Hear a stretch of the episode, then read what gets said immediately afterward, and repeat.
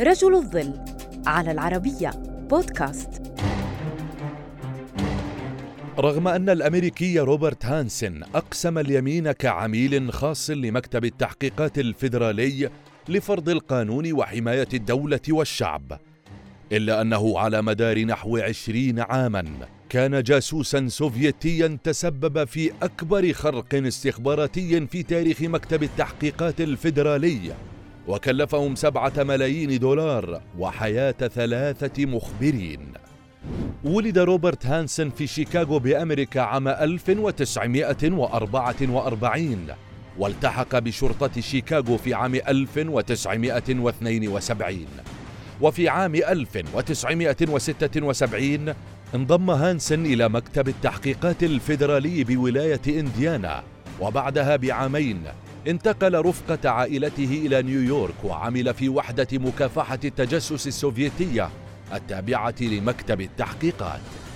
وبسبب تكلفة المعيشة المرتفعة في نيويورك مقارنة بإنديانا تراكمت الفواتير والديون على هانسن وبدأ بالتفكير في تسريب المعلومات السرية للسوفييت مقابل الأموال لتحسين وضعه.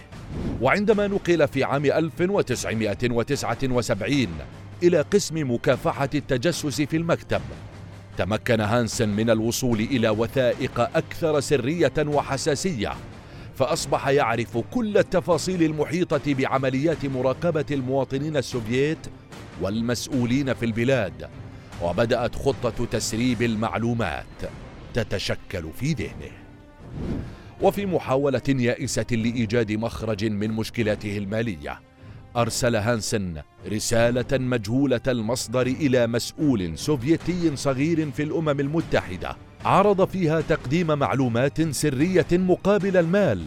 وبعد موافقة السوفييت سرب هانسن لهم معلومات مقابل عشرين ألف دولار عن الجنرال ديمتري بولياكوف الجاسوس رفيع المستوى داخل المخابرات السوفيتية. وفي عام 1981 تمت ترقية هانسن ونقل إلى وحدة الميزانية بقسم المخابرات التابع لمكتب التحقيقات الفيدرالي في واشنطن وأصبح بإمكانه الوصول إلى معلومات أكثر سرية حول كل عملية نشطة تقريبا بما في ذلك الأسماء والتمويل والمواقع والتواريخ وأنشطة العملاء والجواسيس. وفي عام 1985 بدأ هانسن بالتجسس لصالح وكالة الاستخبارات السوفيتية تحت الاسم المستعار رامون غارسيا وقام بتسليمهم مستندات وملفات كمبيوتر حول أنشطة الاستخبارات الأمريكية في الاتحاد السوفيتي. وكشفت هذه المعلومات عن العديد من العملاء المزدوجين المزروعين في جهاز المخابرات السوفيتي. وتم إعدام ثلاثة عملاء منهم. كما علم السوفييت بوجود نفق سري تحت السفارة السوفيتية في واشنطن حاول الأمريكان من خلاله التنصت على المكالمات والاجتماعات داخل السفارة.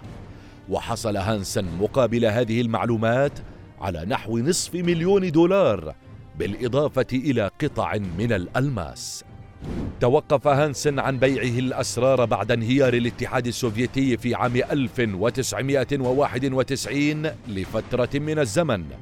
واستغلت وكالة الاستخبارات المركزية هذا الانهيار وبدأت بالبحث عن جواسيس سوفييت لديهم استعداد لبيع المعلومات. حتى وجدوا في عام 2000 العميل السوفيتي ألكسندر شيرباكوف الذي أبدى استعداده للكشف عن كل ما يعرفه. مقابل سبعة ملايين دولار والذي كان السبب وراء كشف أمر هانسن. وبينما كانت المخابرات المركزية تراقب هانسن حصل على ترقية أخرى وأصبح أحد كبار خبراء الكمبيوتر في مكتب التحقيقات الفيدرالي وأصبح له مكتبه الخاص ومساعده الشخصي. وكانت هذه الترقية في الواقع. ذريعة مكتب التحقيقات الفيدرالي لإبقاء هانسن تحت أعينهم في واشنطن. وعمل مساعده الشخصي إيريك أونيل على جمع أدلة تثبت تورطه. حتى استطاع الحصول على كمبيوتر هانسن الشخصي وسلمه للمختصين الذين وجدوا ما يثبت إدانة هانسن. ألقى عملاء أمريكيون القبض على هانسن في عام 2001 أثناء ذهابه إلى متنزه فوكسيستون في فيينا وأصيب العملاء بالذهول بعد سؤال هانسن لهم حول تأخرهم كل هذه المدة للقبض عليه. لينتهي به الأمر محكوما بالسجن مدى الحياة في السجن الفيدرالي في فلورنسا.